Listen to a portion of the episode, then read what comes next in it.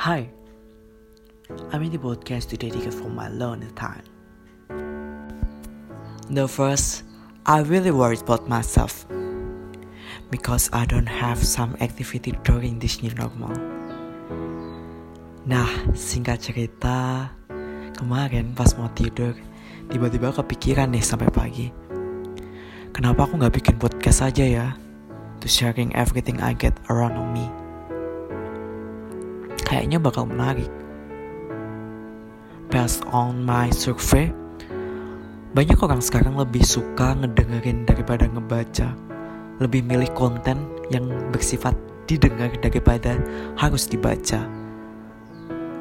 So, it is the biggest reason why I sought to make this podcast. Sebelumnya, mohon maaf banget kalau kalian dengar so many noise around me karena aku tinggal di desa. Banyak banget ayam, banyak banget sapi, and each other. But I try to hate this voice. oh ya sebelumnya, I don't have so many preparation to make this podcast. Aku bicara tanpa skrip. but I'll talk everything what I want. Oh ya, belum kenalan ya? Kayaknya aku udah ngomong oh ya udah keempat kali ini deh. Kenalin, aku Angadian, mahasiswa yang baru lulus dan belum lulus. Bingung kan? Iya, aku kuliah lagi dan menjadi anak rantau lagi salah satu alasan mengapa aku bikin podcast ini karena jadi anak rantau sering ketemu orang. So in the podcast aku kasih nama What People Say. Apa kata orang?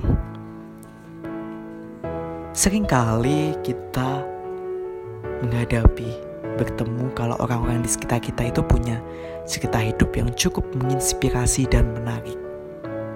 It's made the reason why we're so thankful in this condition.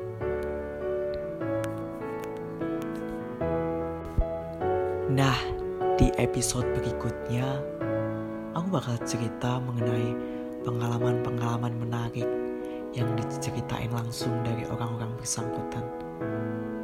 Kadang ada yang tabu, kadang ada yang aneh, kadang ada yang menginspirasi, but it's really enjoy to hear that alasan aku mau speak up sampai detik ini, mau ngomong sampai detik ini adalah I want to inspire people. I want someone to look at me and say, because of you, I didn't give up. Terima kasih udah mendengar. Sampai jumpa di podcast berikutnya.